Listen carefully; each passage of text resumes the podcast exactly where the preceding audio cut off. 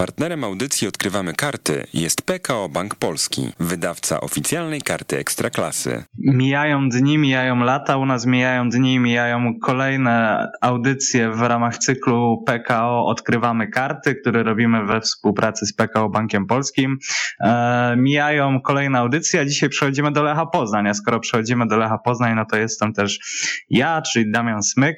Słuchajcie, w każdej książce na początku jest spis treści i dzisiaj taki rozkład jazdy najpierw za, wam zaprezentuję. Mm, będziemy razem przez następne półtorej godziny i, i rozkład jazdy na te kolejne półtorej godziny jest taki. Najpierw puszczę wam rozmowę z Filipem Bednarkiem, Później puszczę Wam rozmowę z Grzegorzem Hałasikiem z Radio Poznań, a później e, zapytam Was też, tak jak Michał Wiraszko w tej piosence, która przed chwilą leciała, e, czy warto było czekać i co z tego macie? E, odpalimy dla Was łącza. Mm, na około pół godziny będziecie mogli popytać, pogadać, wyżalić się, pochwalić, chociaż skoro rozmawiamy o Lechu Poznań, to raczej wyżalić i zganić.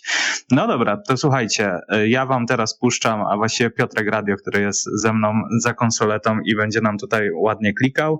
Puszczam wam rozmowę z Filipem Bednarkiem, czyli no właściwie już pierwszym bramkarzem Lecha Poznań. Rozmowę nagrywaliśmy w weekend, gdy Filip akurat jechał do klubu i dowiedzieć się, czy będzie tą jedynką w tym sezonie. Z tego co słyszę, będzie jedynką w tym sezonie. Zatem rozmowa z pierwszym bramkarzem Lecha Poznań, przynajmniej na najbliższe kolejki. Filip Bednarek w rozmowie z MUA.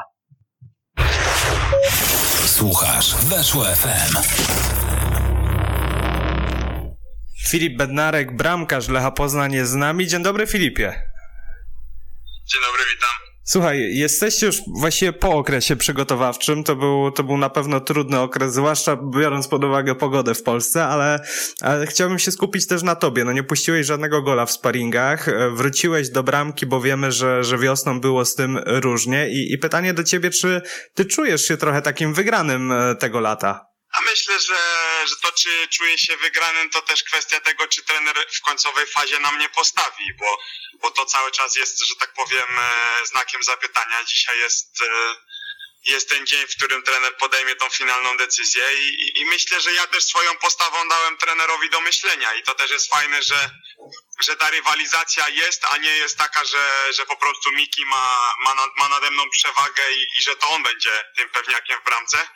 A ta rywalizacja zawsze, zawsze dodaje nowych emocji i to jest na pewno super, że, że ona została znowu nawiązana. Mhm. No, doszło u was też do zmiany trenera. Przypuszczam, że takie nowe otwarcie dla bramkarza, który, który wiosnę spędził jednak głównie na ławce, to też jest taki, taki pozytywny symptom. Michała Hamerę zastąpił Maciej Palczewski i jak w ogóle wrażenia z tych, z tych pierwszych tygodni współpracy z trenerem?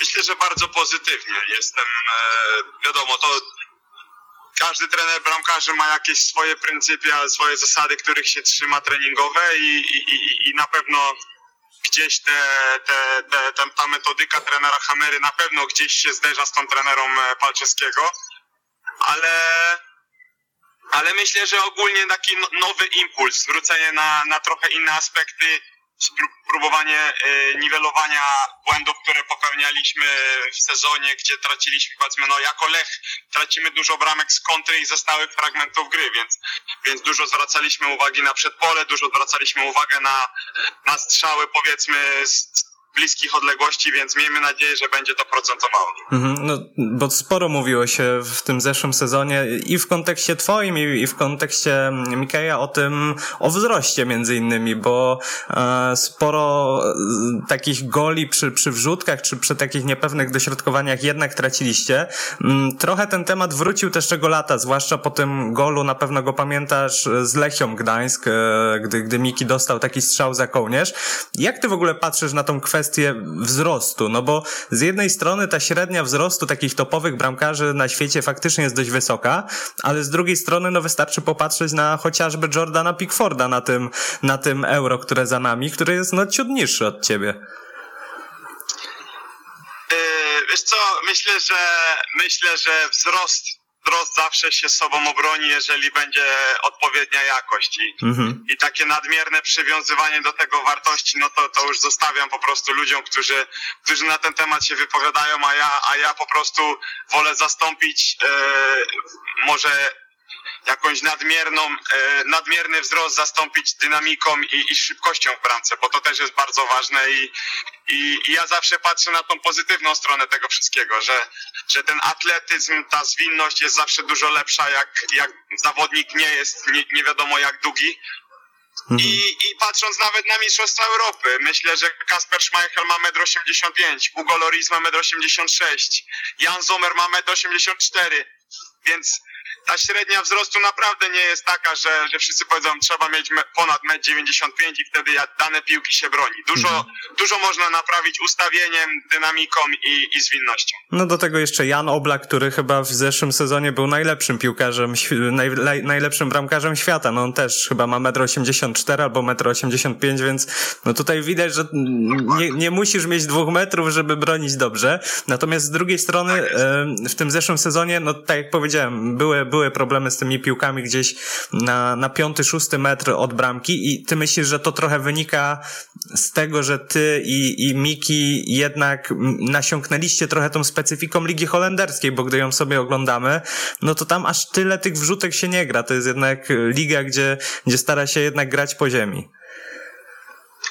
Myślę, że coś na pewno w tym jest, chociaż, chociaż ja też nie ukrywam, że że teraz pracując dużo nad tym elementem, e, myślę, że, że ustawieniem i, i, i decyzyjnością, taką pewnością siebie można dużo naprawić. Chociaż tak, tak, jak, tak jak mówisz, Holandia ma też zupełnie inną specyfikę. Nie jest to czysto taka, powiedzmy, oportunistyczna gra, gdzie, gdzie gra się te długie piłki i, i wrzuca się je jak najwięcej w pole karne. Mhm. Ale uważam, że, że mimo, mimo tego, że, że jesteśmy bramkarzami już w doświadczonym wieku, to, to nadal nad tym elementami możemy pracować i nadal możemy się rozwijać, więc, więc ta krytyka, która jest konstruktywna jest jak naprawdę jak najbardziej mile widziana i, i ja na pewno swoją osobą będę się starał, żeby żeby, żeby pomagać drużynie powietrzu, no bo to jest na pewno ważny element i dodaje dużo pewności obrońcom. Mhm. A zmienia się coś w sposobie waszego grania? No bo wiemy, że za trenera Żurawia wy jako bramkarze często otwieraliście grę, byliście zaangażowani w to rozgrywanie od tyłu, właściwie byliście takim trochę w starym stylu libero, tym wycofanym środkowym obrońcą. Tutaj za trenera Skorży, no bo trochę oglądaliśmy was wiosną, natomiast latem to zawsze jest taki moment na przebudowanie tego stylu gry. Mm, nadal będziecie tak, tak mocno zaangażowani jako bramkarze też w ten, w ten mm, styl rozgrywania piłki od tyłu, czy, czy coś tu się zmieniło?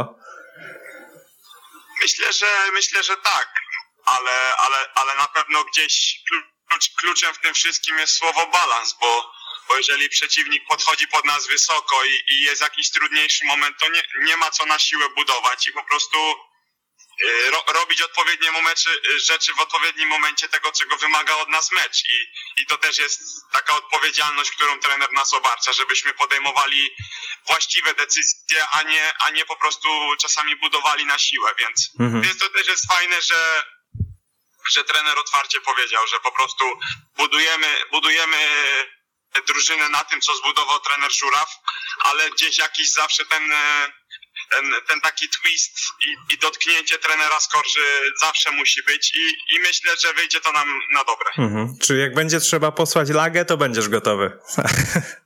Dokładnie tak. Ta la, la, zamierzona laga zawsze jest, zawsze jest y, odpowiednia, jeśli chodzi o, o kierunek, więc to nie, to nie jest problemem, bo, bo zebranie drugiej piłki to też sztuka. Mhm. No, słuchaj, czuć w szatni jakieś takie specyficzne napięcie przed tym sezonem stulecia, no bo pewnie też jak wchodzisz gdzieś na media społecznościowe, nie wiem, czy na Instagrama, czy na Facebooka, no to widzisz, że kibice ewidentnie mają bardzo specyficzne wymagania wobec tego sezonu, też zwłaszcza po tym sezonie poprzednim, który no, był taki szalony dość dla was. Tak, my, my zdecydowanie zdajemy sobie sprawę z tego, że stulecie, stu, stulecie klubu przeżywa się tylko raz i tylko raz można przejść do historii, by w stulecie klubu e, osiągnąć sukces I, I, oczywiście ten sukces każdy wie jakie, jakie są wymagania, jakie, jest, e, za, jakie są założenia. My po prostu e, swoją postawą na boisku i, i, i dobrą atmosferą w drużynie będziemy starać się by, by na końcu sezonu stać z trofeum w rękach i, mhm. i to, jest, to jest nasz cel. O tym też mówi klub, o tym też mówi trener, więc my jak najbardziej się pod tym podpisujemy. i jesteśmy zwarci i gotowi, by, by te cele osiągać, bo, bo oczywiście cele są ogromne, wymagania są ogromne, ale, ale pan trener Skorża wie, z czym się to je. Mhm. Więc e, on, e, on te mistrzostwa zdobywa w Polsce, więc wie, wie czego drużyna po- potrzebuje, by, by ten sukces osiągnąć. Mhm. Filip, ja wiem, że ty się interesujesz też psychologią, coachingiem i, i tak się zastanawiam, jak piłkarze Lecha sobie radzą po takim tym trudnym ostatnim sezonie, no bo to jest jed- jednak jedenaste miejsce, sinusoida nastrojów właściwie przez te 10 miesięcy, no totalna, mm, trochę też rozczarowań, zmiana trenera i tak dalej, i tak dalej. To jest, wiesz, jak, jakie są sposoby na to? Czy, czy lepiej usiąść sobie gdzieś latem na balkonie, przemyśleć sobie to wszystko, spojrzeć w tył, czy po prostu gruba kreska, zapominamy o tym, co było wcześniej i, i lecimy dalej? Myślę, że gruba kreska grubą kreską, ale, ale najważniejsze jest to, żeby, żeby wyciągać wnioski z tego, co się wydarzyło, bo Mhm. Oczywiście to jest stracony sezon, jeśli chodzi o miejsce w tabeli i, i to po prostu co straciliśmy przez to, ale z drugiej strony zyskaliśmy też cenne doświadczenie i doświadczenie, które będzie nam pomagało, by zachowywać się odpowiednio w sytuacjach, które będą nas spotykały w nowym sezonie. Mhm. A, a, a to są na pewno nieodłączne elementy życia piłkarza, żeby, żeby popełniać błędy, uczyć się na nich, wyciągać wnioski i, i dążyć dalej. A myślę, że te wakacje, które odbyliśmy, to, to też był czas, żeby się zreflektować, żeby, żeby, żeby nasiągnąć nową, świeżą energią i tak jak mówię, usiąść przed lustrem, spojrzeć sobie w lustro i, i zrobić taki rachunek sumienia i, i, i dążyć dalej, no bo, bo piłka nożna, piłka nożna idzie dalej, sezon, sezon nadchodzi wielkimi krokami i, i, i ten pociąg jedzie, więc, więc pod tym względem mamy, mamy nowych zawodników, mamy nowe, nowych zawodników z wielkim doświadczeniem, bo Artur Sobiech czy Rafał Murawski to, e, to, to na pewno, e, Radosław Murawski, przepraszam, Mhm. to na pewno, to na pewno zawodnicy, którzy, którzy mają ten bagaż doświadczeń i oni będą na pewno bardzo ważną częścią tej drużyny. Mhm. No, czyli trochę na zasadzie, by optymizm przed nowym sezonem budować niejako trochę jednak na, na tym rozczarowaniu poprzedniego sezonu, czyli nie tak, że no dobra, zapominamy co było rok temu, tylko faktycznie wykorzystać też być może tę złość, być może tę frustrację, która na pewno was była po tym, po tym ostatnim sezonie. Oczywiście każdy, każdy zawodowy, zawodowy sportowiec ma w sobie chęć, chęć udowodnienia, chęć udowodnienia czegoś, czego, czego, czego po prostu nikt się po nim nie spodziewa i, i my, my mamy tą złość na pewno w sobie i, i chcemy ją po prostu przełożyć na, na, na pozytywną energię, więc, więc miejmy nadzieję, że to zaprocentuje. Mhm. Filip, na kogo ty teraz będziesz krzyczał? Tak pytam pół żartem, pół serio, bo pamiętam te mecze, gdy one jeszcze odbywały się na tych zamkniętych e, stadionach, to właściwie tak co 5-10 minut e, słychać było taki głośny krzyk od, z twojej strony puszka, a no i teraz gdy tego puszki nie ma już w Poznaniu, to na kogo będziesz krzyczał?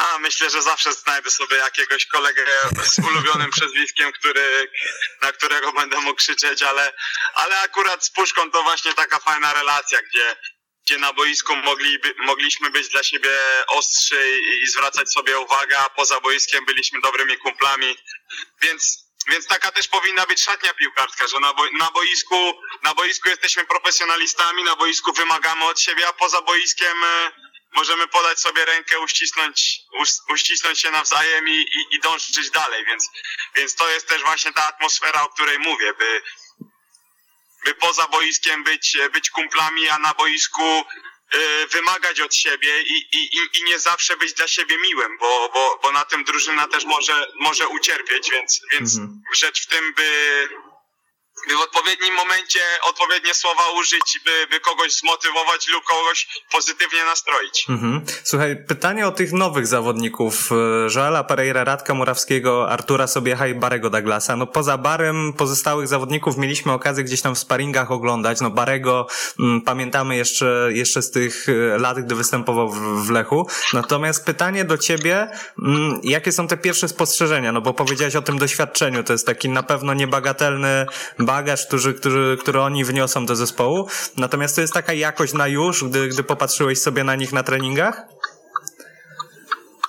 Myślę, że na pewno. Myślę, że, że oczywiście tą, tą to jaką ja mam opinię, to też nie jest zawsze ta opinia, która zostaje odzwierciedlona na, na boisku, bo, bo boisko też zawsze, mecz jest zawsze inny niż trening, a, a na treningu widać ogromną jakość. Czy jest to Joel Pereira, który naprawdę na prawego obrońcę posiada naprawdę super technikę użytkową, bardzo dobre dośrodkowanie w obronie, daje sobie radę bardzo dobrze, więc, więc uważam, że, że to będzie na pewno dobry zastrzyk pozytywnej, e, pozytywnej jakości. Jeśli chodzi o Barego, no to oczywiście nie muszę nic, przez nikogo, ni, tego chłopaka nie muszę przedstawiać, bo, bo, bo wszyscy wiemy, wszyscy pamiętamy. Yy, a jeśli chodzi o Radka i o Artura, no to też są sprawdzone nazwiska, prawda? Więc to są zawodnicy, którzy też, też tą, tą, e, tą szatnię, że tak powiem, upolszczają, bo, bo są dwaj chłopacy z, ze Śląska, którzy, którzy wiedzą, jak te szatnie polskie wyglądają i jaka jest ich specyfika i co jest potrzebne, by osiągać sukcesy. No bo między innymi Radek e, jako kapitan Piasta Gliwice zdobywał wicemistrzostwo. Artur e, też grał w wielu klubach, między innymi w Polonii, w Ruchu i, i, i w- Lechii, więc, więc na pewno e, będąc też 6 lat za granicą, zobaczył wiele, bo osiągał europejskie puchary z Hanowerem, więc, więc to też nie jest lada wyczyn, e, jeśli, jeśli gra się w Bundeslidze i, i uważam, że, że to jest na pewno bezpośredni zastrzyk jakości. Mhm. Bary już ustawił piłkę na treningu i przysmażył ci tam w okienko, czy jeszcze nie mieliście okazji się zmierzyć? Bary na razie musi spokojnie wdrażać się, wdrażać się w drużynę, złapać świeżość, a, a, a na strzały przyjdzie jeszcze czas. Okej. I słuchaj, tak na koniec ostatnie pytanie. Nie wiem, czy, czy ty trochę chociaż pijesz alkoholu, ale jak tak usiądziesz sobie po ostatniej kolejce tego sezonu, który mm, przed nami, to co musi się zdarzyć? Jakie miejsce musicie zająć, żebyś usiadł sobie i tak z pełnym, takim z pełnym zadowoleniem sobie piwko odpalił?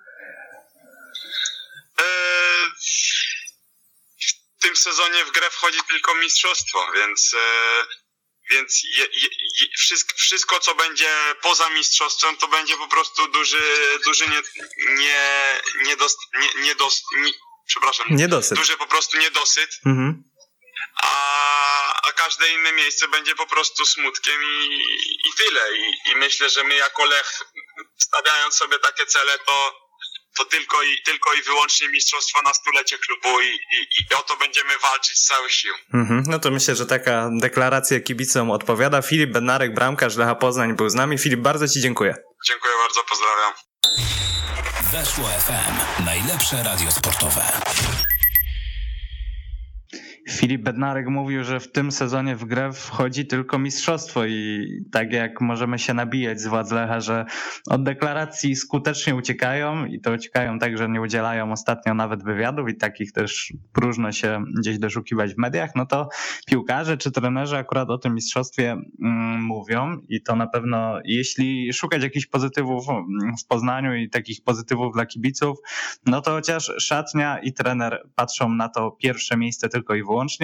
Natomiast o deklaracjach, o tym, czy ten zespół w ogóle stać na to, żeby zająć pierwsze miejsce, porozmawiałem sobie też z Grzegorzem Hałasikiem, niezwykłym gawędziarzem i gadułą. E, Sporo, sporo o transferach, sporo rozliczeń takich kadrowych na ten moment w kolejorzu, e, ale co wam będę gadał? 21 minut z drobnym hakiem z Grzegorzem Hałasikiem. E, Koty najedzone, koty nakarmione, to nie wiem, może sam się najem teraz w tej przerwie. Grzegorz Hałasik z Radia Poznań z wami. Słuchasz Weszło FM. Grzegorz Hałasik z Radia Poznań jest z nami. Dzień dobry Grzegorzu. Witam serdecznie Ciebie i wszystkich słuchaczy. Słuchaj, tak dzwoniąc zawsze do, do dziennikarzy, do ekspertów związanych z Lechem, mam wrażenie, że czasami mamy déjà z tymi wszystkimi tematami i powielamy tak naprawdę tezy sprzed roku, sprzed dwóch lat i tak dalej, nie mniej. E, no, zbliża się sezon szczególny, sezon stulecia i ty wyczuwasz takie specyficzne napięcie przed tym e, sezonem stulecia Lecha Poznań? Jest to chyba wreszcie jakaś nowość, której możemy się chwycić w tych naszych spekulacjach, bo gdy napisałeś, że chce, o Lechu chcesz porozmawiać, to tak na dobrą sprawę zastanawiałem się, czy tutaj nie odtworzyć jakiejś rozmowy sprzed roku, sprzed dwóch, czy sprzed pół roku, może ewentualnie podmienić parę nazwisk, które oczywiście się zmienia, jeśli chodzi o odejścia, czy też przyjścia, czy też brak przyjść e, zawodników. E, To stulecie pewnie dla kibiców jest e, no taką dodatkowym nie wiem, no bodźcem to powinien być dla piłkarzy, dla kibiców. No, Może smaczkiem. Taki element na pewno emocjonalny, jeśli chodzi o, o ten sezon. I teraz wiesz, wydaje mi się, że jeśli chodzi o piłkarzy Lecha Poznań, to też czują, bo y, myślę, że trochę im trener Maciej Skorża do głowy nawkładał o tym stuleciu, że jest to ważny sezon, że Lech musi się bić o Mistrzostwo Polski i tak dalej, i tak dalej. Y, dlatego, że gdy z kilkoma piłkarzami Lecha y, podczas grupowania w Opalenicy rozmawiałem, E, to właściwie nawet bez pytania o to stulecie, każdy sam z siebie mówił. Wiemy, jaki to jest ważny sezon dla Lecha Poznań. I też u mnie w radiu emitowałem rozmowę z Bartoszem Salamonem, z Michałem Skurasiem, z e, Jakubem Kamińskim e, i zaczynałem tę rozmowę od tego, co zrobić poprzednim sezonem, czy go wymazać z pamięci totalnie, czy jakieś wyciągnąć kultowe wnioski i tak dalej, i tak Mhm. dalej, a każdy sam z siebie mówi, no ale jest to stulecie i wiemy, że to jest ważny rok, ważny sezon dla klubu. Oni wszyscy mówili jednym językiem, nawet jak mówili o grze, używali tych samych słów, na przykład o kompakcie w obronie, więc też odczuwam, że gdzieś na odprawach trener Skorża im to też do głowy nawkładał i oni potem w rozmowach z dziennikarzami to powtarzali. E, Tylko e, odnoszę wrażenie, że chyba nie czuć tego stulecia e, tam, gdzie powinno być to odczuwalne bardziej i w tym dążeniu do tego sukcesu, y, na który czekamy w roku stulecia klubu. Myślę, że nie mają wsparcia Lechici, mówię tutaj o, trenerze przede wszystkim, gdzieś z góry. Mhm. Tam raczej mówią, że Lech zawsze ma się bić o, o trofea. I to jest, to jest prawda, oczywiście, bo dlaczego nagle na stulecie Lech ma się bić, a czemu nie bił się na 99-lecie, 98-lecie i tak dalej, i tak dalej. E, ale to jest, i to jest to, o czym mówiłeś na początku, ten stary błąd Lecha Poznań, to, że mamy déjà vu, że, że nie ma takiego dążenia w klubie, żeby, żeby twardo powiedzieć gramy o Mistrzostwo Polski, chcemy Mistrzostwo Polski.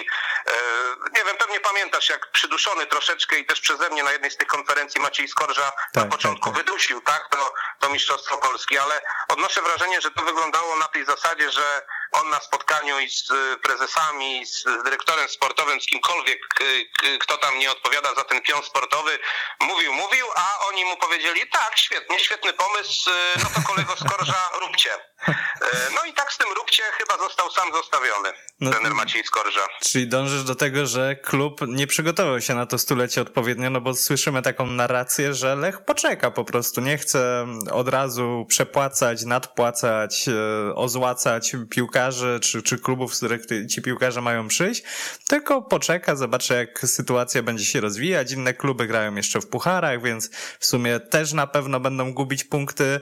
No przypomina się znów ten Lech taki, no ja nie lubię tego słowa minimalizm w kontekście Lecha, natomiast taki Lech, który nie jest do końca zdeterminowany. To jest Lech, który znowu w decydującym momencie no zastanawia się, kto ma tego gwoździa wbić, przekłada, przekłada młotek z rąk do rąk, ale, ale brakuje kogoś, kto faktycznie by tego gwoździa wbił. Tak, i, i sprowadzamy tu faktycznie dyskusję do, do takich prostych kadrowych e, spraw, bo brakuje mi takiego e, też e, mentalnego przekazu w klubie. E, i myślę, że nawet jak się okaże, że e, zacznie się ten sezon, ktoś tam zostanie dokupiony jeszcze, może jeden, może dwóch ludzi, jak się zorientują, że e, tam u góry, że, że piłkarzy brakuje, ale też czy, czy ktoś powie, że to jest piłkarz sprowadzony po to, że ma prowadzić Lecha do, do Mistrzostwa Polski. E, tylko widzisz, to słowo minimalizm, którego nie lubisz, niestety ono tutaj powraca, czy nam się to podoba, czy nie. E, bo takiego ryzyka chyba Lech nie podjął. Kiedyś Piotr Rutkowski mówił, że podejmujemy ryzyko, ale też chyba do końca nie podjęli, bo tam wtedy tych przestrzelonych transferów dosyć dużo się, się pojawiło. E, Ale tak to, tak to niestety wygląda. No, ja sobie zdaję sprawę, że, że troszkę wolniej ten rynek transferowy działa. E, Tylko, że te głośne nazwiska już gdzieś zaczynają się w klubach pojawiać. No i mamy przykład Piasta Gliwice, tak, który sięgnął po, po zawodnika głośnego, a w Lechu Poznań cały czas e, no, tego jednak brakuje, przynajmniej w, w, tak, w takiej mocy, jakiej by ten zespół potrzebował. No bo, braki na skrzydłach to, to tutaj aż bolą, tak? I, I o ile na każdej pozycji gdzieś tam już powiedzmy jest jakieś zabezpieczenie, choć może bez na przykład mm, rezerwowego, wartościowego, e, no powiedzmy mówimy o lewej obronie na przykład, tak, no to, no to na skrzydłach to tutaj niestety woła to o pomstę do nieba na ten moment. To strach zacząć ligę niestety z tymi skrzydłami, mimo wszystko. Mimo, że no, Jakub Kamiński jest jednym z moich ulubionych piłkarzy, jestem wielkim sympatykiem jego talentu, na pewnie będzie grał na lewym skrzydle, a wolelibyśmy, żeby grał na prawym, bo taka będzie potrzeba. No a jeszcze jak, y, nie daj Bóg, Barry Douglas, y, coś mu się stanie, no to Jakub Kamiński wyląduje na lewej obronie i Na obronie wiesz, oczywiście i zabraknie już totalnie skrzydłowych i zostaniemy ze Skórasiem, przekwalifikowanym Abrahamem, z Dani Ramirezem, który cały czas nie wiem właściwie jak, jak jest w formie. No i tutaj mamy te braki największe, których tutaj właściwie potrzebuje ten skład uzupełnienia. Mhm. Wiesz, też wiele zależy w kontekście tego, tego okienka transferowego, ocena go przez pryzmat wszystkich okoliczności dookoła, no bo jakbyśmy spojrzeli sobie tak na sucho, na nazwiska Sobiech, Murawski, Douglas Pere- Pereira, no to No to są, to są dobre transfery, tak? Obiektywnie to są pewnie w perspektywie sezonu okażą się to wartościowi zawodnicy, tylko no, jeżeli ktoś nie rozumie, dlaczego my Lecha krytykujemy za to okno, no to właśnie przez okoliczności, czyli fakt, że w zeszłym sezonie Lech był 11, że Lech miał rekordowy budżet, re rekordowe przychody i mimo wszystko no nie zrobił takiego skoku zdecydowanego na to, żeby ta kadra na pierwszy mecz, na ten pierwszy mecz z Radomiakiem, no już była kompletna, gotowa i, i sprawna, taka, żeby Maciej Skorża wyszedł na konferencję przed meczem i powiedział, panowie, no tutaj no, aż mi głupio by było z takim składem przegrywać. No ale wierzysz, że to, to w ogóle było możliwe, że, że coś takiego nastąpi, że, że na pierwszy mecz, bo, bo tak nie do końca mi się chciało w to, w to wierzyć i tak niestety działa Lech Poznań. Pewnie nie tylko Lech Poznań. Ja myślę, że też przy Bułgarskiej usiedli sobie ten skład rozpisali i też stwierdzili, no tak, tu są fajne transfery, tu paru fajnych zawod zawodników zostało. Yy, Nie jest, nie jest w sumie źle, ale yy, no, okno jest do końca sierpnia, czyli jeszcze tak na dobrą sprawę mamy ponad miesiąc. Mhm. No i pode- podejrzewam, że no zacznie się szukanie zawodników. No, oczywiście pewnie za granicą, bo no, polskich zawodników y, generalnie już takich, którzy mogliby przyjść do Lecha pewnie za dużo nie ma. Po kogo tam można było sięgnąć i ściągnąć z zagranicy, to Lech już ściągnął, to szczerze mówiąc dwóch i, i o trzecim się mówiło. Okazuje się, że jednak faktycznie tego kądziora Lech nie był zdecydowany. Natomiast y, myślę, że też parę rzeczy mm, Lechowi po prostu tutaj nie wyszło, bo podejrzewam, że tego skrzydłowego no Lech chciał mieć na to pierwsze spotkanie, ewentualnie na ten początek sezonu, jeżeli nie pierwsza, to druga kolejka. No, też nie wiemy w jakiej formie przyszedłby na przykład Kądzior, gdyby się na niego w Lechu zdecydowali. Yy, Wiem dlaczego się nie zdecydowano na, na Kądziora, Mhm. yy, ponieważ yy, mm, kiedy? Dwa tygodnie temu bodajże tak rozmawiałem, gdy tak już troszeczkę ucichło o Kądziorze. No i dopytujemy, dlaczego właściwie nie. I mówią przy bułgarskiej, że y, Kądzior gwarantuje określony poziom. Taki a taki. Możemy sobie taką kreskę narysować i wiemy, że to na 100% tak będzie grał, da tyle asyst, tak będzie się tu prezentował yy, i będzie ok. Natomiast mamy w zanadrzu człowieka, który jest lepszym zawodnikiem i może dać trochę więcej. Tylko, że jest ryzyko takie, że nie da. Bo to nigdy nie wiadomo, czy się zaaklimatyzuje, czy się dobrze będzie czuł, kiedy się zaaklimatyzuje, czy w ogóle zdąży się zaaklimatyzować i tak dalej, i tak dalej. Jest wtedy ryzyko, że niestety może dać mniej niż ten kądzior. I oni wtedy siedzieli przy bułgarskiej i myśleli, czy wziąć tego e, kądziora, który powiedzmy daje poziom na przykład tam w skali od 1 do 10, 8, czy wziąć gościa, który może dać 10, ale może dać też 5.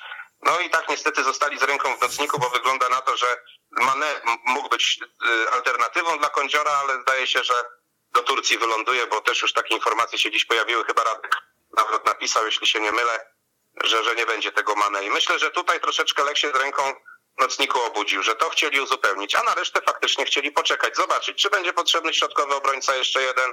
No lewego obrońcy zawsze się szuka, tak? Takiego lewego obrońcy, który, który jest lewym obrońcą, tak? Czyli gra lewą nogą, bo to, to właściwie wiadomo, że ich jest zawsze deficyt i takich się szuka. Mhm. Tak jak opowiadałeś o tych e, podchodach pod kądziora, to ja mam takiego znajomego, co kupuje samochód, chyba już drugi albo trzeci rogi i ciągle coś na Oliksie mu się podoba, przegląda, jedzie nawet na, na wizytację, ale później mówi, kurde, może gdzieś znajdę jakimś tam, nie wiem, rok młodszy albo, albo jeszcze z mniejszym przebiegiem, albo ciut taniej, no i trzy lata tak chodzi wokół tego auta i, i kupić nie może. Tutaj to, trochę też mi się przypomina ten case, e, czy brać Bohara, czy jednak e, si sięgnąć po Sykorę. No, ostatecznie widzimy, że Bohar notuje liczby, Sykora notuje mm, permanentne e, słowa To jest krytyki. to ryzyko, które się nie sprawdziło, tak? Bo, bo Bohar była gwarancja, bo go wszyscy znamy i wiedzieliśmy, co może dać, a Sykora był zagadką. I masz rację, no niestety jest na razie niewypałem.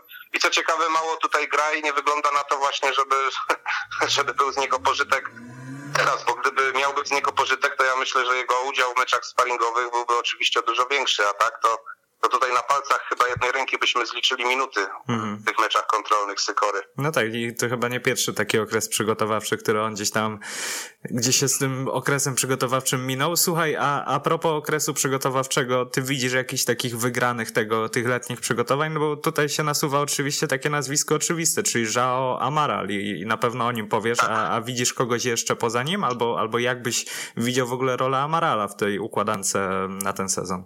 No myślę, że liczy na niego trener Maciej Skorża yy, i, w ofensywie to można go ustawiać yy, różnie i wszechstronnie tam, gdzie będzie potrzeba.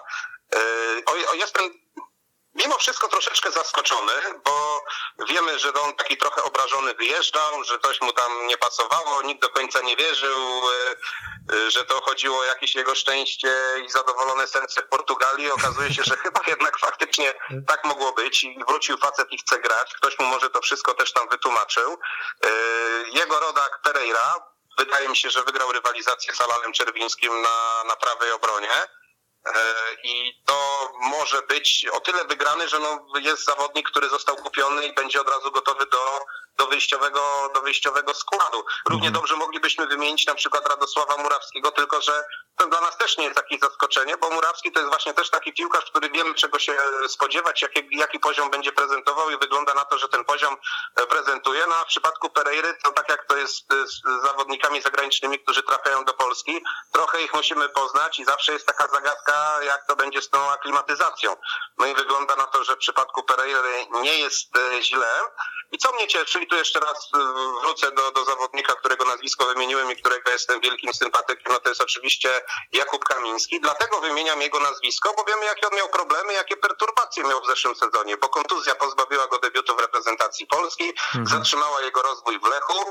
Troszeczkę też po tym błysku w poprzednim, poprzednim sezonie, tak, czyli 19-20 e, wtedy, kiedy wiosną tak błyszczał on, błyszczał Moder, e, to, to po tym błysku e, no liga tro, zaczęła czekać trochę Kubę Kamińskiego. E, Świetnie się też pokazywał w tych, tych pierwszych meczach europejskich. E, To pamiętam, no mecz na Cyprze na przykład, tak? Tak, tak, tak. To też, też, był, też był fajny Kuba Kamiński. No później ta e, kontuzja gdzie tam z października, listopada, gdzieś tam z przełomu, tak, tego, Mhm. tego okresu, no go niestety zatrzymała, ale widać, że, że ma chłopak charakter, e, że, że ma umiejętności piłkarskie przede wszystkim e, i też go tutaj zaliczam do tych wygranych Mhm. okresu przygotowawczego, a nie wiem, czy nie wiem, czy mnie o to zapytasz o przegranych, No. e, czy takich, którzy troszeczkę zawiedli. No Wiesz co, ja tacy tutaj widzę od razu Mikiego Vanderharta, który no przegrał rywalizację w bramce z Filipem Bednarkiem.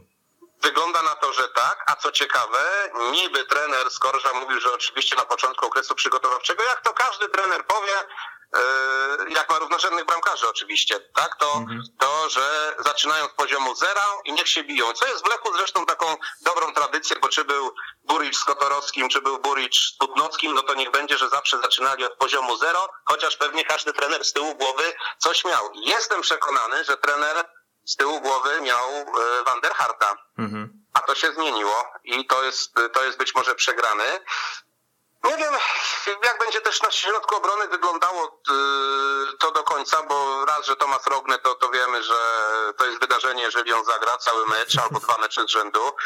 Yy, No i na przedłużenie umowy tutaj też raczej z Norwegiem nie ma, nie ma co No nie liczyć. wygląda na to, no bo, bo zliczymy więcej nie grał niż grał, tak? Więc No to, tak, to nie tak. ulega wątpliwości. Natomiast e, troszeczkę jestem mm, zawiedziony, choć myślę, że będzie grał Bartoszem Stalamonem. Troszkę mi się wydawał zagubiony też przy, w tych fragmentach meczów, Mhm. czy tych meczach, które widziałem. E, ale może ta ostatnia prosta okresu przygotowawczego troszeczkę go tam wyprostowała, ale, ale wydawało mi się, że taki jakiś troszeczkę elektryczny był i takiej pewności nie wiem, jakiej bym się spodziewał, bo na niego tutaj liczyłem i nadal liczę, mm, ale wydaje mi się, że tu był problem. No jest Alan Czerwiński, który, który prawdopodobnie tę rywalizację z Pereirą przegrał.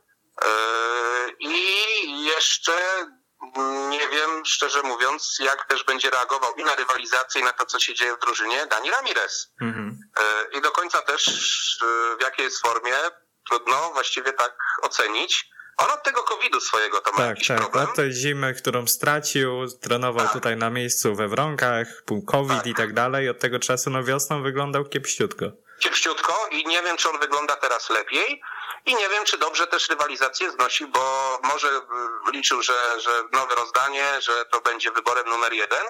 A okazuje się, że tak, tu, a tu Tiba przesunięty do przodu, a tu Amaral nagle wrócił, a tu to, a tu tamto i, i tak szczerze mówiąc z tym Ramirezem, no nie jestem przekonany, czy, czy to jest taki zawodnik wyboru pierwszego Mhm. trenera Skorży do składu.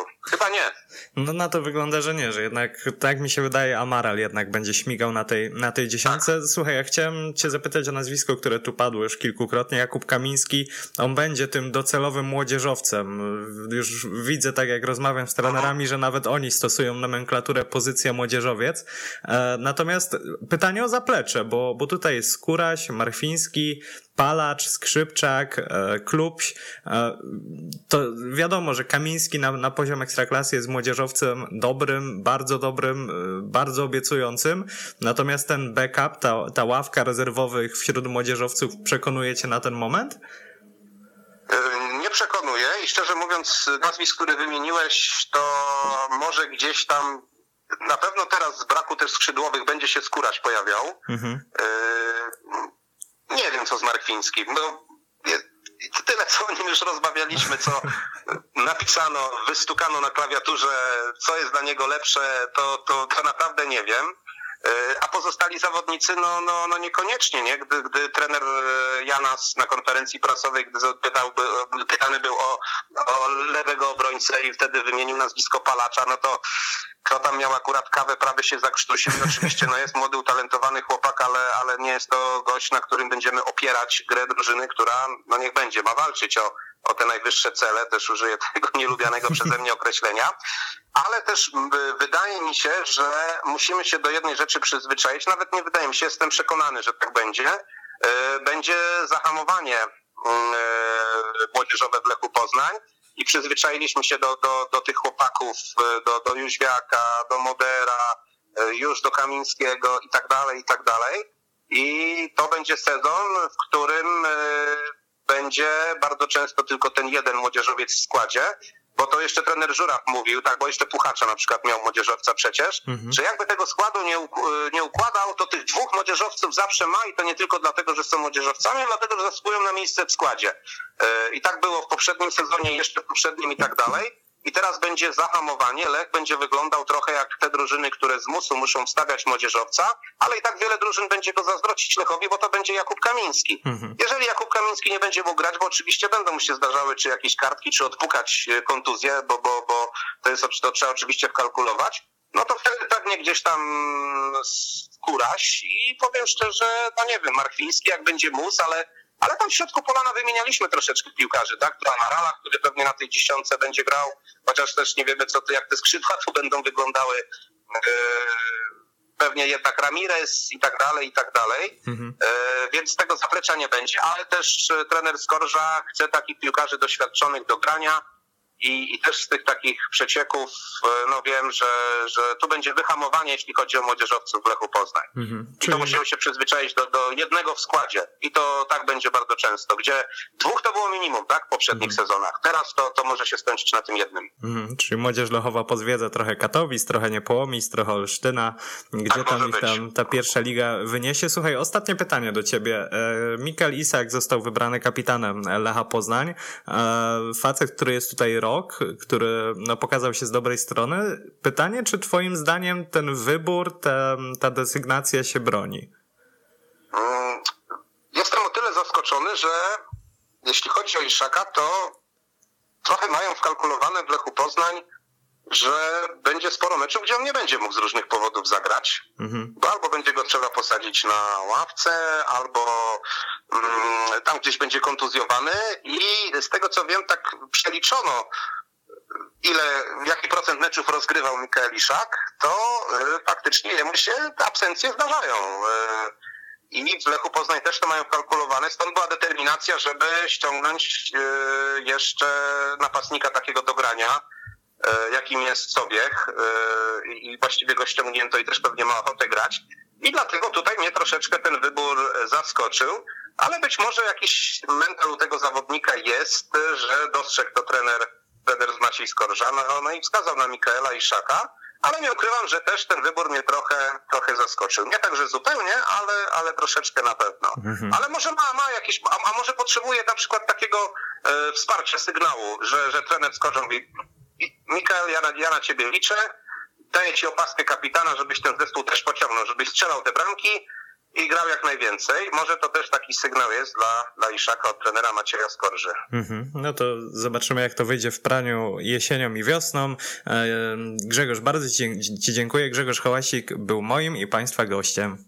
Dziękuję, do usłyszenia. Słuchaj nas na weszło.fm. Słuchasz Weszło FM. Weszło FM. Partnerem audycji Odkrywamy Karty jest PKO Bank Polski, wydawca oficjalnej karty Ekstraklasy. Tak jak Piotrek w dżinglu nam powiedział, naszym partnerem jest PKO Bank Polski. My jesteśmy w cyklu Odkrywamy Karty. Jesteśmy w temacie Lecha Poznań i teraz wiekopomna chwila. Otwieramy dla Was linię. Mm, możecie się do nas spróbować dodzwonić. Możemy pogadać sobie o Lechu Poznań. Możemy pogadać o tym, gdzie są w Poznaniu najlepsze burgery albo gdzie najlepiej uderzyć w miasto. Podaję numer, podaję hasło Okoń, ale tak serio, podaję numer 22 749 18 82. Jeszcze raz. 22 749 18 82. Możecie dzwonić, możecie pisać pod hashtagiem weszło FM, ja tam zerkam, możecie łapać mnie gdzieś na Twitterze, też staram się zerkać. Multitasking, więc y, no, to pokazuje, pokazuje na jakim wiekopomnym poziomie jesteśmy. Mamy słuchacza. Dobry wieczór, Emil Dziarczyna z tej strony. Siema Emil. Ja bym chciał y, zapytać o takie jakby nastawienie przed tym sezonem, bo jak słyszałem z panem Grzegorzem tutaj rozmowę, no to nie jest y, zbyt kolorowo. Wiesz co, nastawienie, e, no ja już pisałem, bo robiliśmy to, odkrywamy karty też na, na stronę i tam mamy taką zakładkę, co wieszczymy im w tym sezonie. To ja mam wrażenie, że to będzie taki klasyczny e, Lech Poznań, czyli w pewnym momencie narobi nadziei. Wiara w Poznaniu już, jak to się ładnie u nas mówi, podnieci się, a później centralnie Lech wypłaci tym ludziom e, strzała w łeb. Natomiast no, z drugiej strony bo ja tak sobie patrzę na te transfery i, i na to, jak Lech buduje kadrę, no to w oderwaniu od okoliczności to, to miałoby sens. No bo przychodzi, przyszedł ten Radek Murawski, który zdobył wicemistrzostwo z Piastem i jest piłkarzem doświadczonym. Przyszedł sobie, który w niejednym klubie w Ekstraklasie byłby jedynką. Joel Pereira w sparingach wyglądał bardzo, bardzo obiecująco. Barry Douglas, no to jest facet, który w ostatnich czterech sezonach rozegrał ponad 100 meczów w Championship, więc zasadniczo to się klei. Tylko musimy pamiętać o tym, że Lech zajął 11 miejsce w poprzednim poprzednim sezonie, że to jest jednak sezon stulecia, gdzie wypadałoby zrobić coś ekstra i ja mam takie takie przeświadczenie, że o ile czuje to szatnia, że to jest ten sezon ekstra, o ile czuje to trener Skorze i jego sztab, to nie do końca czują to władze Lecha Poznań i mam wrażenie, że na koniec dnia no jednak decyduje taka atmosfera, która jest robiona w klubie. Wiesz, to jest trochę tak jak z Legią, o czym zawsze mówimy, że no w Legii zawsze po prostu ktoś w kluczowym momencie przesądzi ten wynik na korzyść Legii i, i ona, tak jak mówił swego czasu Dominik Furman, i tak Legia panowie i tak tak, a, a w Lechu mam wrażenie, że mm, to takie nastawienie nie jest do końca adekwatne do tego, jakie są oczekiwania, oczekiwania kibiców, więc odpowiadając na twoje pytanie, mam takie wrażenie, że Lech zagra w pucharach, ale że nie będzie mistrzem Polski.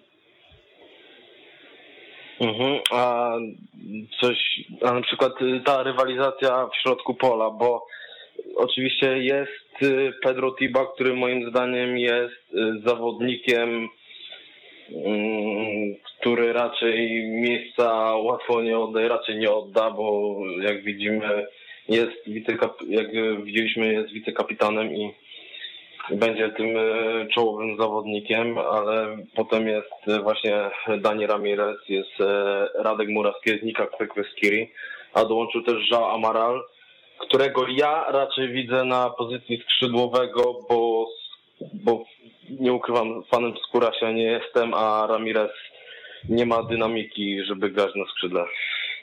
Mhm. No, mi się wydaje, że Tiba, no to tak jak powiedziałeś, to będzie gość, który będzie schodził rzadko z boiska, jeżeli już, no to z uwagi na jakieś urazy, no to jest facet też, który, który chce wreszcie coś wygrać. No jak popatrzysz sobie na jego karierę, no to on pucharu to za, za, za często nie podnosił e, i, i wydaje mi się, że on będzie takim absolutnie kluczowym graczem Lecha w tym sezonie.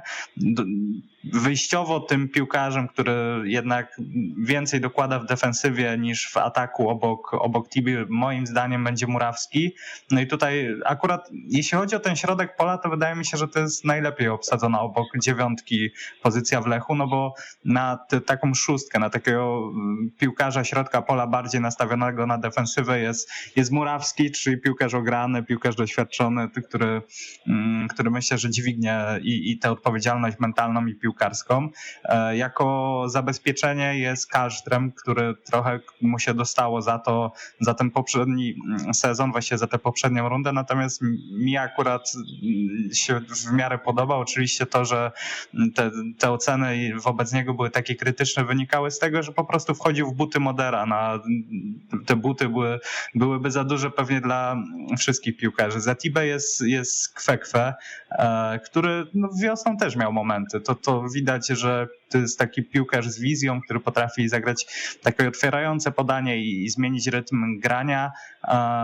Wydaje mi się, że też potencjał w tych stałych fragmentach jego tkwi. Na dziesiątce, e, no, ja nie poznaję Daniego Ramireza. Od tej zimy no, rozczarowuje mnie, bo, bo byłem zachwycony tym, tym, jak on potrafił czasami znaleźć takie nieoczywiste miejsce na boisku. Tymczasem no, wiosna w jego wykonaniu słaba tych sparingach no też, też bez, bez rewelacji, więc nie wykluczam, że sezon. Mm, no tutaj pytanie, co będzie ze, ze skrzydłowym. Jeżeli tego skrzydłowego nie będzie zaraz, no to pewnie skończy się tak, jak mówisz, czyli z Ramirezem na dziesiątce i z Amaralem na skrzydle, na drugim skrzydle Kamiński, który też jest młodzieżowcem, ale jeżeli przyjdzie ten skrzydłowy, no to ta rywalizacja o dziesiątkę między Ramirezem a Amaralem będzie na pewno ciekawa. No i do tego jeszcze dochodzi dochodzi Filip Marfiński, którego Lech, tak jak rozmawiałem z Lechem wiosną, to tam w ogóle zero gadki, żadnego wypożyczenia dla Marfińskiego, a teraz widzę, że, że powoli ten mur jakoś kruszeje i niewykluczone, że jeżeli ten skrzydłowy przyjdzie, no to, to, to po prostu Filip gdzieś powędruje na następne pół roku czy rok. Mhm, to tyle chciałem zapytać. Dzięki, że odebrałeś i pozdrawiam i żeby chociaż Lech dał powód do pewnego optymizmu, a, a nie do tego, że co chwilę na Twitterze czytam, że jest źle. Dzięki. Ile można tego Lecha krytykować? Dzięki Emil za telefon. Dzięki wielkie. Pytacie, co z tymi burgerami w Poznaniu? Nie wiem, czy mogę reklamować. Mam nadzieję, że Fatbob Burger mi za to zapłaci, ale, ale mam wrażenie, że Fatbob Burger tam przy rynku, tak na, na wschód od rynku, nie pamiętam jak ta ulica się nazywa, ale no wypasione są. Kiedyś Krowi Placek też na Jeżycach strasznie dawał radę, ale dawno tam nie byłem, nie wiem czy oni jeszcze są czynni. Przez te lockdowny to trochę, trochę wypadłem z obiegu. Mamy następny telefon. Cześć, to jest Olek Poznań, Grunwald się. Siemanko.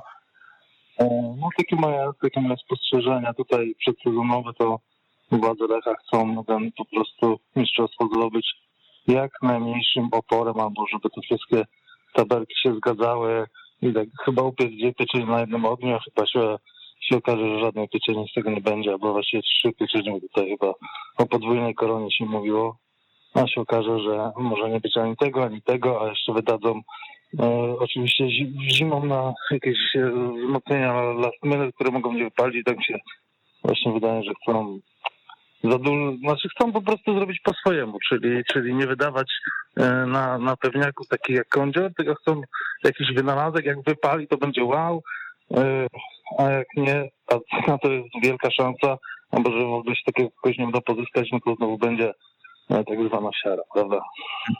No tak, mam wrażenie, że Lech znowu szuka kwadratowych jaj i, i, stara się być mądrzejszy od wszystkich. Na, wiesz doskonale, jak to wyglądało w poprzednich, wyglądało w poprzednich sezonach. Lech chciałby, chciał być mądrzejszy, a kończył e, no, na pewno nie na pierwszym miejscu. Ostatnio skończył na pierwszym, ale jeszcze z jedynką obok i, i to było jedenaste miejsce, więc no, wiesz, ja też rozumiem złość kibiców, no bo wiemy, jakie są okoliczności, tak? To nie jest tak, że Lech to jest Lech biedujący, nie wiem, z początku XXI wieku, gdzie tam nic finansowo się nie spinało, tylko no to jest jednak Lech z rekordowym budżetem w skali swojej historii i jednym z najwyższych w ogóle w skali ligi, w historii ligi, więc no tutaj też nie dziwię się kibicom, którzy mówią, kurde, no panowie, to jest moment, żeby sięgnąć do kieszeni.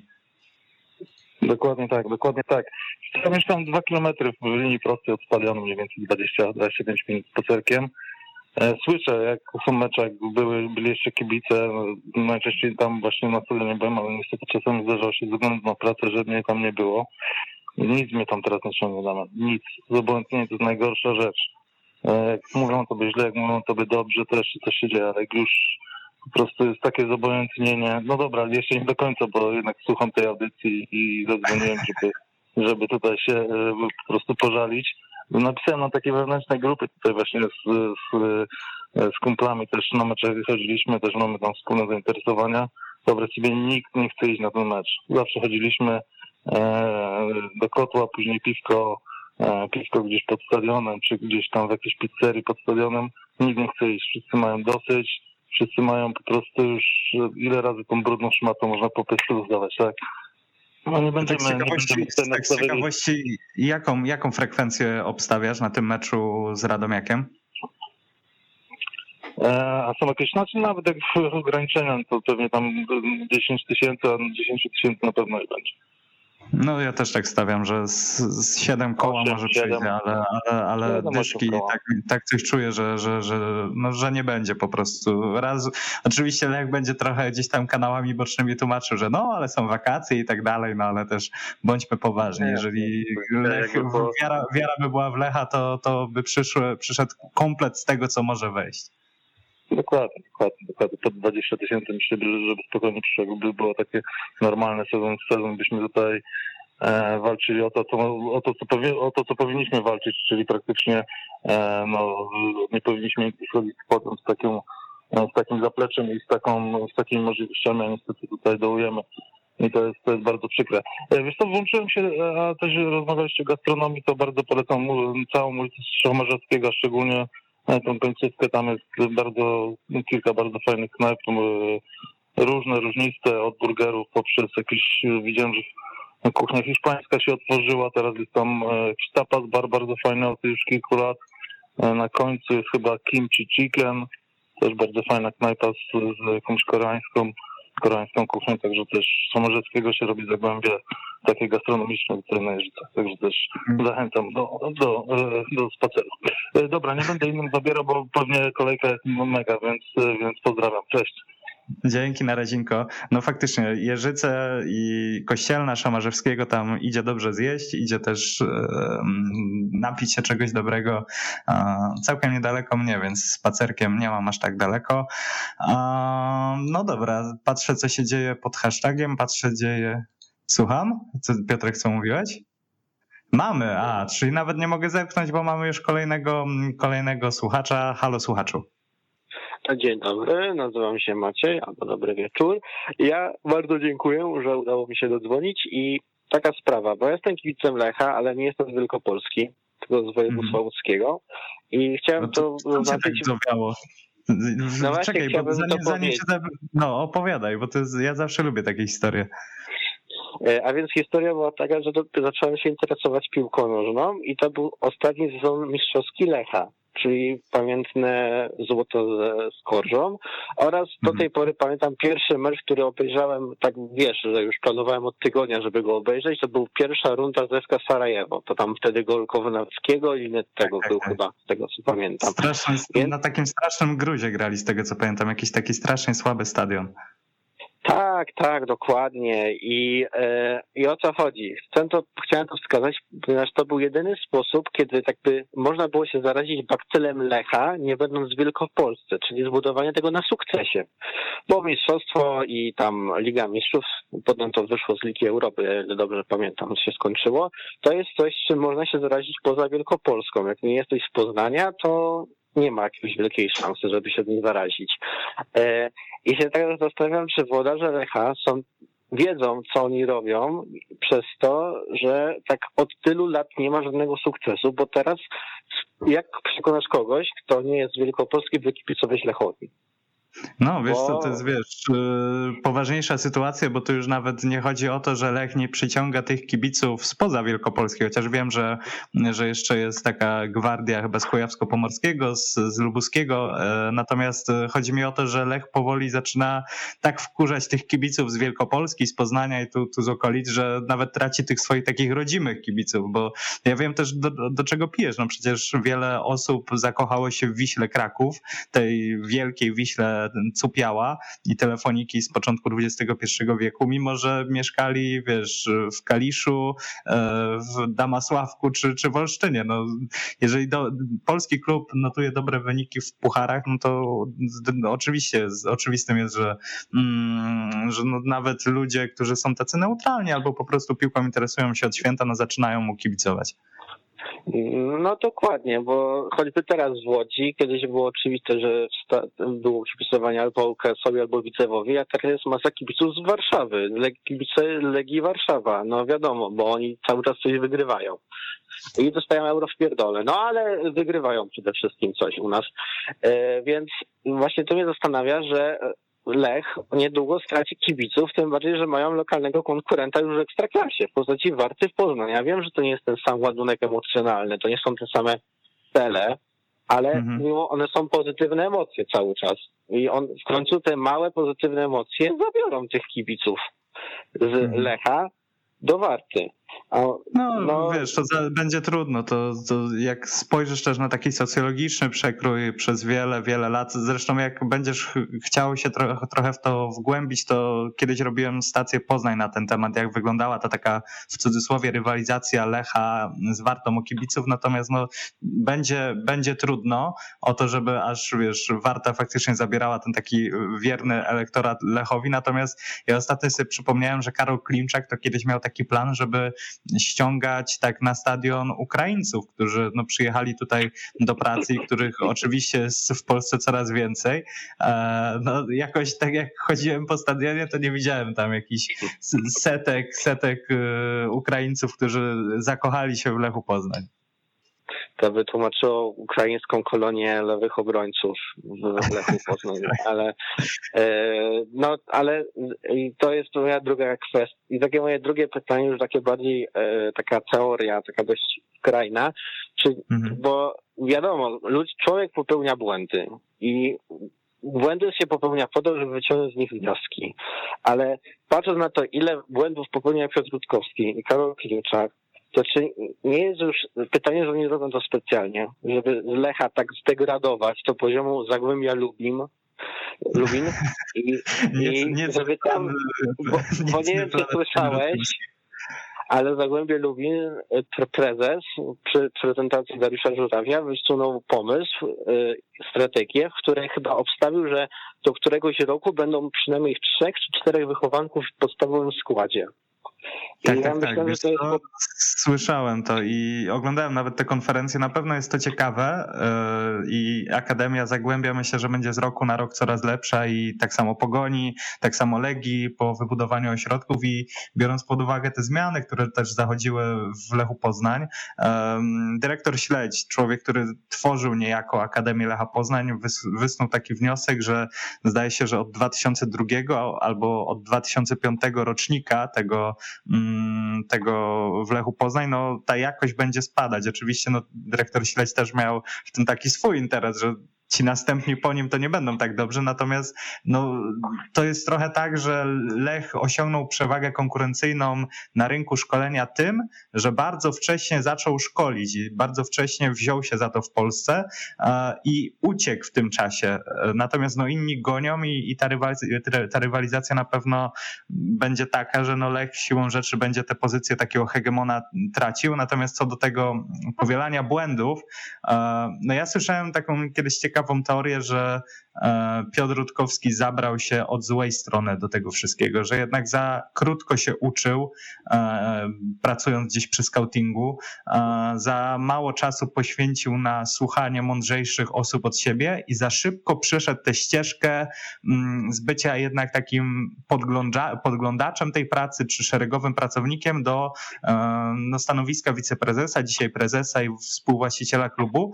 I nie wykluczam, że jest w tym dużo racji, bo Piotr Rutkowski, mimo że jakoś tam e, nie jesteśmy za pan brat i, i, i, i nie zapraszamy się na piwo, no to on jest ambitnym gościem i, i jednak e, wkurzają go porażki, mocno to wszystko przerywa, przeżywa, tylko no wiesz, to ty jako kibic pewnie też się wkurzasz, no ale jednak nikt ci nie dał klubu do, do kierowania. Znaczy, ja niestety nie znam Piotra Rutkowskiego osobiście i po prostu trudno mi w to uwierzyć, że on to przeżywa, bo ja nie wierzę, że można tyle przeżywać i nie wyciągać wniosków. To jest jakby rozpędzić się i przywalić głową w ścianę, rozpłakać się, że ściana twarda, a potem rozbiegnąć i uderzyć znowu głową w ścianę. Bo... I znowu płakać, że ściana twarda i zamknąć się z Karolem Klimczarkiem w klubie i zwolnić murarza, bo zbudował ścianę, która jest twarda, się nie rozwala. Więc no, trudno mi w to uwierzyć. Po prostu chodziło o to, czy Lech Poznań nie, specjalnie nie, nie idzie na poziom Zagłębia Lubin, bo ja widzę uśmiechniętą twarz Piotra Rutkowskiego, Karola Klimczaka, kiedy widzą skład na meczu we Flaszkorze, gdzie jest średnia wieku 24, czterech wychowanków, na trzech już są oferty powyżej 3-4 milionów i, i są szczęśliwi, bo Excel jest tak zielony, że stażystę aż oślepiło i trzeba było drugiego stażystę z ułamu przywieźć. No wiesz, możemy, możemy się nabijać i, i oczywiście składają się w jakąś logiczną całość te rzeczy, że Lech wystarczy, że wystawia tych dzieciaków i później zarabia, tylko no, to też jest system naczyń połączonych. Jak Lech będzie cały czas na 11 miejscu, to, to tych wychowanków za grube miliony nie będzie tak sukcesywnie sprzedawać. Zresztą to widać po tym poprzednim sezonie. Tam było wicemistrzostwo, była gra w pucharach i od razu te kwoty no, poszybowały wyżej, więc jak Lech chce dobrze sprzedawać wychowanków, co na pewno jest jednym z no. filarów filozofii klubu, no to musi też dobrze grać i, i osiągać dobre wyniki. No tak, bo tak, ja przepraszam panie Damianie, ale tak zaznaczam, że tak ilu tak naprawdę dobrze wychowanków sprzedał Lech Poznań. No ja myślę o dwóch, o Janie Bednarku i Moderze, bo 3 i 3,5 miliona w obecnej piłce nożnej przy tej inflacji to nie jest dużo pieniędzy dla bogatych klubów. No. no tak, ja też zastanawiałem się w trakcie mundialu, jak oglądaliśmy tych chłopaków z Lecha mm, na, na, na, na mundialu, tfu, na euro. Jak oglądaliśmy ich na Mistrzostwach Europy, to miałem wrażenie, że ten szklany sufit, o którym ty mówisz, w postaci tam powiedzmy 3,5 miliona euro, no to jest właściwie od 2015 roku, tak? Czyli sprzedaży czy to, czy to Kędziory, czy Linettego, czy Kownackiego i tak dalej, i tak dalej. Puchacz poszedł chyba jeszcze za mniej. No, A tam pamiętajmy, że to ma lewą nogę. Też. tak, za, za lewą, nogę, nogę się 30%. I potrafi Słuchaj, biegać 180 minut. Słuchaj, ktoś tu cię pyta o, o nick na Twitterze z Łódzkiego, bo bardzo dobrze mówisz. Dziękuję. E, Peterson jako awatar taki kot, który patrzy. A, to ja cię znam, to ja cię znam przecież. Nie, a to są często kontrowersyjne opinie, szczególnie po przegranym meczu. szczególnie jak, dobra, a, to nie wiem, no. dobra, to tylko jeden temat rzucę, żeby może ktoś później podłapał, nie wiem, bo ja się włączyłem w połowie audycji, niestety o kądziorze w pieści Gliwice i o tym, jak Gliwice wykopały własne pola naftowe, bo przecież dobrze zarządzany Lech Poznań nie stać go na wydanie potężnej kwoty pół miliona euro. No Więc tak, to... Dobrej nocy Słuchaj, życzę. No, Dzięki, trzymaj się, dzięki za telefon. E, Czekałem na No. ten wątek kądziora mm, i, i w sumie jest taki moment, gdzie mogę opowiedzieć, bo dzisiaj byłem trochę na łączach z osobami, które gdzieś tam ten mm, transfer śledziły, były blisko i usłyszałem od jednej z osób, która zna kulisy tego transferu, że to jest, że z Poznań zachował się po prostu jak dziwak. Najpierw chciał kądziora, najpierw e, się odzywał i, i był taki zdeterminowany. Maciej Skorża dzwonił do kądziora, mm, mówił, że go chce. Później no, kontakt był taki oschły, albo nie było go prawie wcale przez jakiś czas. Właściwie te negocjacje trwały miesiąc. To jest miesiąc rozmów z kądziorem. Z kądziorem Lech porozumiał się dość szybko i dość zgrabnie. Jeśli chodzi o, o to, no to kądzior chciał przyjść do Lecha. E, warunki kontraktu też mu odpowiadały. Natomiast Lech utknął w martwym punkcie pod tytułem ile płacimy Eibar. No i Eibar zadeklarowało, dajecie pół bani na stół i jest wszystko ok. I jakby dogadujemy się i, kądzior jest wasz. Te, te mm, jakieś pogłoski o tym, że Lech miał wyłożyć półtora miliona euro, to, to jak się okazuje, okazały się nieprawdą. No i Lech nagle uznał, że z tym kądziorem pogra na czas. I Lech wyszedł z takiego założenia, że pogada z innymi mm, piłkarzami, zobaczy jak wygląda sytuacja, sprawdzi inne opcje, a Damian Kądzior niech tam spokojnie sobie trenuje w Hiszpanii mm, i niech czeka na Lecha. No tylko Lech Poznań w swej e, przenikliwości nie przewidział, że na rynku są też inne kluby, które po prostu odezwą się do Kądziora, dogadają się na kontrakt, wyślą mm, odpowiedni przelew do Eibar i Kądzior podpisze kontrakt z tamtym klubem, więc no Lech Poznań, mm, tak jak rozmawialiśmy z Grzegorzem Hałasikiem, no to wyszedł jak ten mój kumpel, który od trzech lat próbuje kupić auto, tylko ciągle na Eliksie sprawdza inne, inne propozycje. Mamy następnego słuchacza. Witaj Damianku. Michał z tej Siemanko. strony, Poznań Stecie Konia z tej strony Michał. A, E, siemanko. słuchaj, hej, hej.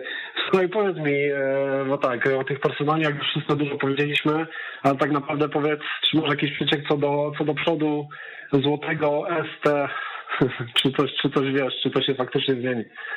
Wiesz co, ja dostałem, do, przysięgam, dosłownie 15 minut przed programem e, napisał mi znajomy, który na oku ma dość dobre info, zwłaszcza takie mm, z takich powiedzmy struktur sponsoringowych, że tam faktycznie jest taka koncepcja, że koszulka, w sensie, że ten, ten STS ma faktycznie zmienić kolorystykę, natomiast no, mówię, nawet nie, tego nie weryfikowałem, więc to nie jest tak, że ja teraz to rzucam i tak będzie, ale usłyszałem o takim temacie, ale żeby ci powiedzieć, że będzie tak, albo że to będzie bzdura, to nie wiem. Jeżeli tak będzie, to przyznam się szczerze, będę mocno zdziwiony, no bo Lech z STS-em najpierw wkurzyli kibiców, tak? No, sam obserwowałeś to i, i każdy, kto słucha, doskonale wie, że to wkurzenie u kibiców było potężne, bo bardzo ładna, estetyczna koszulka została zepsuta no, logiem, które pasowało tam jak pięć do nosa. I teraz Lech razem z, ze sponsorem mieliby to odkręcać. Nawet jeżeli ugięliby się pod presją, no to przecież reakcja kibiców była do przewidzenia. No to nie jest tak, że nagle kibice się wkurzyli i Lech z, ze sponsorem uznali, kurde, nie spodziewaliśmy się tego, jak to, jak to wyszło, tylko to było do przewidzenia. Więc jeżeli ten ruch ze zmianą barw y, logo sponsora nastąpi, to okej, brawo za przyznanie się do, do, do błędu, natomiast no, można było uniknąć tych problemów zdecydowanie wcześniej. No zgadza się, bardziej, że wiadomo jaka będzie reakcja kibiców, a tak naprawdę no przecież wiadomo, że to co się tam działo na Twitterku, no to, no to nie było na pewno zależne od tego, że, że prezes e, e, stwierdził, że dobra, zmieniamy, zmieniamy logo, tak jak chcą kibice Lecha Poznań, prawda? No tak, no wiesz, kibice też mają jakąś tam siłę sprawczą. Ja zawsze przestrzegam przed tym, żeby brać Twittera jako takie mm, pełne spektrum opinii kibiców Lecha, natomiast trzeba przyznać, że Twitter jest opiniotwórczy w tym sensie, że jeżeli coś się pojawi na Twitterze, jeżeli są jakieś trendy na, na Twitterze, to one siłą rzeczy gdzieś tam później po środowisku kibiców Lecha się rozprze rozprzestrzeniają i tu widziałem, wszedłem sobie na Facebooka, widziałem e, protesty, wszedłem sobie na, na stronę fanowską Lecha i tam były takie oburzenia, na Twitterze oburzenie, nawet ze znajomymi rozmawiałem, to oni też mówili, że ohydnie to wygląda, więc to nie jest też tak, że a, bo na, na Twitterze parę osób skasowało konto u Bookmachera, no to, to Lech się zmienił, tylko faktycznie jeżeli ta decyzja będzie zmieniona, no to, to myślę, że tutaj trzeba przyklasnąć też kibicom, którzy no by, za to na, by na to zapracowali. Zgadza się, tym bardziej, że, że tam gdzieś też e, pytałem w Lechu, e, no niby nie chciał się prezes ugiąć, żeby, żeby zmienić to, to logo, a tu jednak, no nie wiem, nagle się to zmieniło, dziwna, dziwna sytuacja też. No tak, tak, tak. No dobra, słuchaj, dzięki za telefon. W takim razie kolejną sprawę no, gorącą wokół, na razinko, cześć. Kolejną sprawę taką e, palącą w Lechu Poznania mamy rozstrzygniętą. E, ktoś mnie tutaj pytał też o taką sprawę, która była w ostatnich dniach czy godzinach na Twitterze gorąca, czyli czy Lech wysyła jakieś kontrolowane przecieki dla chwilowego ugaszenia pożaru z kądziorem. O, mam ten komentarz. Smyko, jak odniesiesz się do wczorajszych, newsów Dawida Dobrasza i tego drugiego? Kontrolowany przeciek z klubu dla chwilowego ugaszenia pożaru z kądziorem?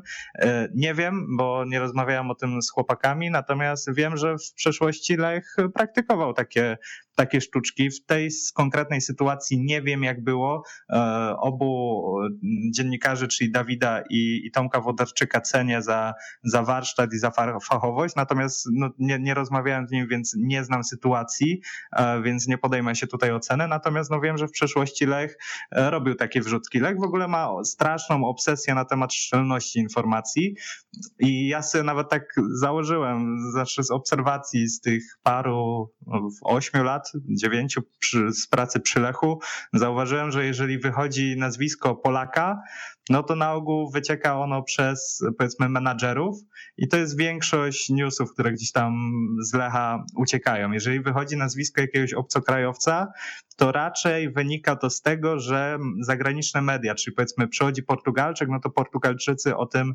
napiszą.